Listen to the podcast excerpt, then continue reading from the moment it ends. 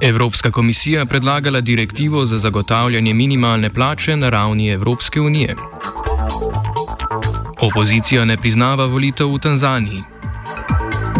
Slovenka Kerstin Vesna Petrič izvoljena v izvršni odbor Svetovne zdravstvene organizacije. V kulturnih novicah poročilo stalnega dopisnika RKHV Argentinska umetnost v Gracu.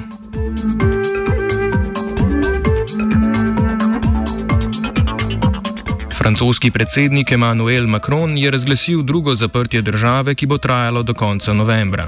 Od petka naprej bodo lahko francozi zapustili domove samo zaradi dela in šolanja, zaradi zdravstvenih razlogov in za nujno nakupovanje.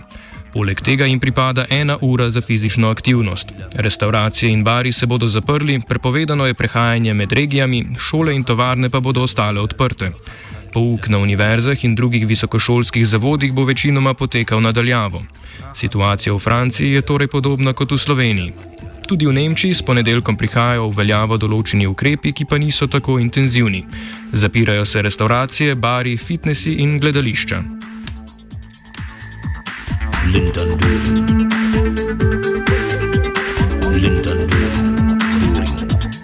Evropska komisija je predstavila zakonodajni predlog oziroma direktivo, s katero bi vsem delavcem v Evropski uniji zagotovili primerno in zadostno minimalno plačo.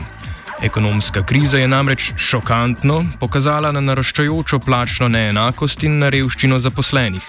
Vse države članice imajo sicer že zdaj določeno minimalno plačo, večinoma zakonsko. Danska, Italija, Cipr, Avstrija, Finska in Švedska pa zagotavljajo minimalno plačilo izključno s kolektivnimi pogodbami, ki jih dosežejo sindikati z delodajalci.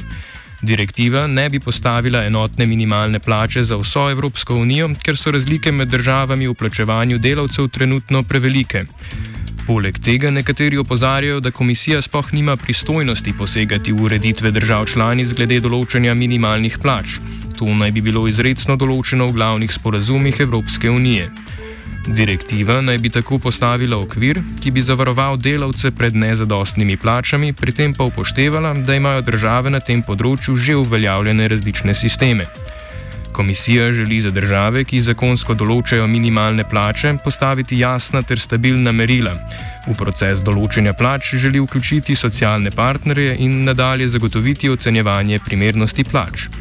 Z direktivo bi države članice v merila upeljale vsaj dejavnik kupne moči, splošno raven bruto plač, rast bruto plač in produktivnost dela.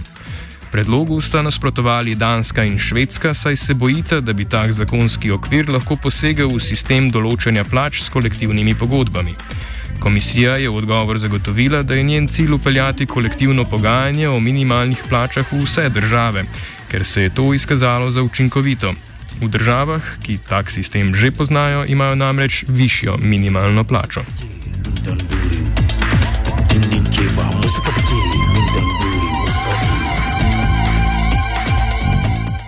Selimo se v Evropski parlament, iz katerega prihaja vest, da se je francoski poslanec Pierre Laroutourou, član stranke evropskih socialistov, odločil za gledovno stavko, s čimer opozarja na svojo zahtevo za davek na finančne transakcije na ravni Evropske unije. Poslanec namreč meni, da bi tak davek lahko omogočil financiranje zdravstvenih, socialnih in okoljevarstvenih programov. Poleg tega bi po njegovem z uvedbo davka lahko pokrili dolg, ki je nastal z odobritvijo, odobritvijo proračunske pomoči za boj proti posledicam epidemije COVID-19. Uvedba davka na finančne transakcije je bila aktualna tudi v času prejšnje velike finančne krize, na članicam ni uspelo doseči zahtevanega soglasja. Pogovori trajajo torej že več let, vendar brez uspeha. Izraz davek na finančne storitve se nanaša na široko skupino davkov, med katere med drugim spadajo davek na transakcije z vrednostnimi papiri, davek na valutne transakcije, davek na bančne transakcije, na zavarovalne premije in na transakcije z nepremičninami.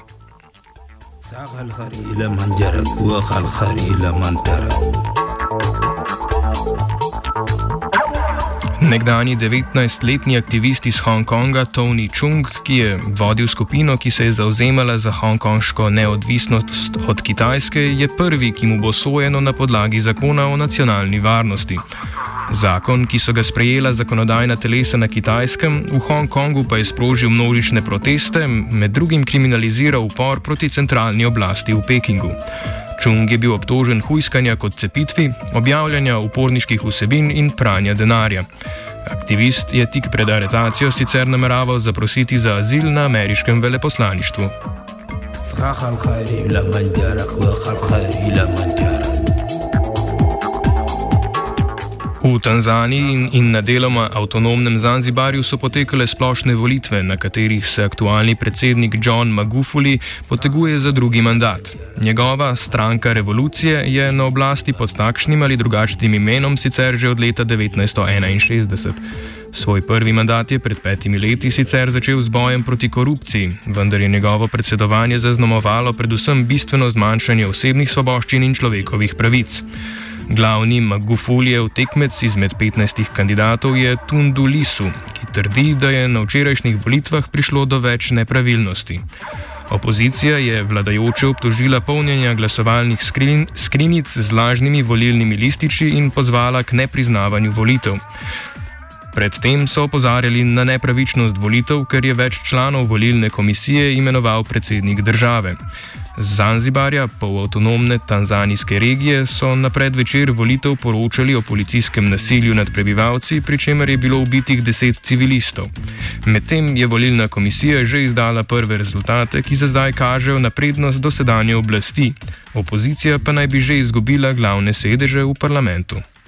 Oba, če, če bom odgovoril na angliški. Slovenija bo poskušala pomagati. Slovenija bo naredila naš utmost, da bo rekla, da je situacija naš problem, sami. In bomo naredili nadaljnje korake, as soon as the conditions are. Bomo vlado Marjana Cererera Šarca podprli. Very, very serious news from Slovenija. We know how and we will.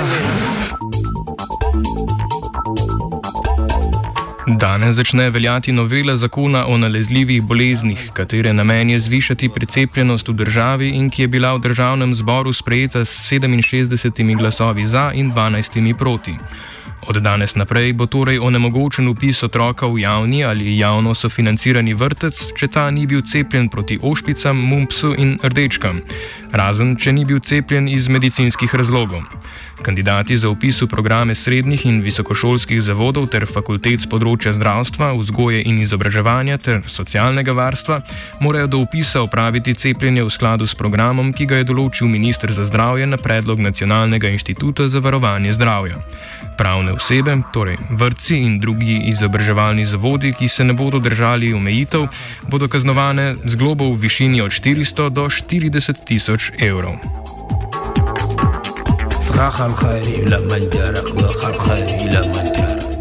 V 34-članski izvršni odbor Svetovne zdravstvene organizacije, bolj znane pod kratico WHO, je bila za obdobje od leta 2021 do 2024 izvoljena slovenska kandidatka Kerstin Vesna Petrič, ki trenutno vodi direktorat za javno zdravje na slovenskem zdravstvenem ministrstvu.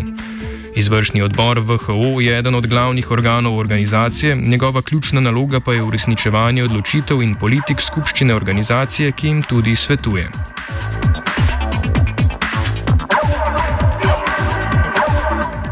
OF je pripravila Aida.